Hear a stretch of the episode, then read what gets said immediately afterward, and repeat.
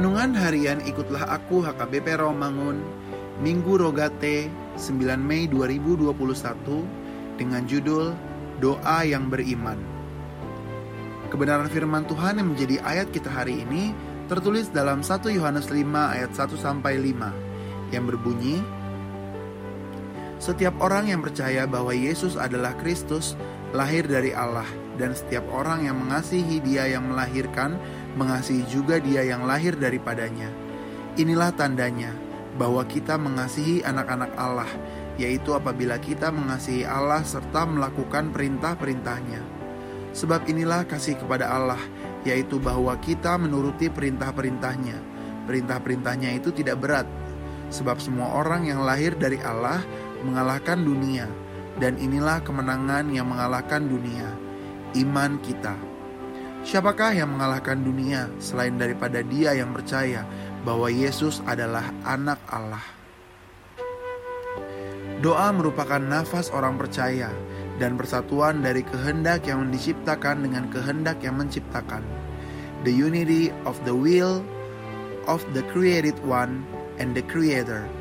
Kehendak Allah menjadi kehendak kita.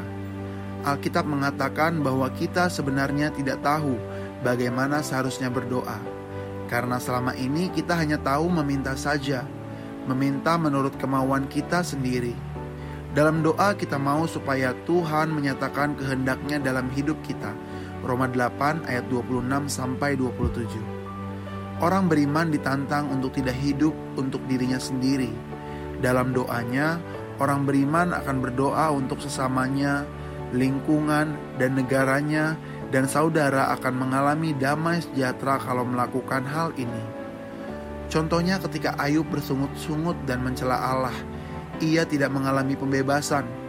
Tetapi ketika Ayub berdoa untuk orang lain, Allah melepaskan dia dari kesusahan.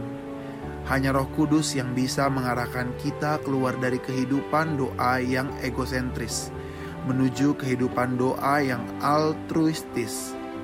Kehidupan doa yang melihat lebih luas, penyangkalan diri yang lebih besar untuk melihat kerajaan Allah. Dengan doa, kita mampu menggerakkan Allah untuk berkarya bagi sesama dan negara kita. Contohnya, kita bisa mendoakan supaya COVID-19 segera berlalu, keadilan ditegakkan, dan korupsi mampu diberantas. Dengan berdoa bagi sesama dan negara kita, sesungguhnya hidup kita telah menjadi contoh bagi sesama kita. Mari kita berdoa.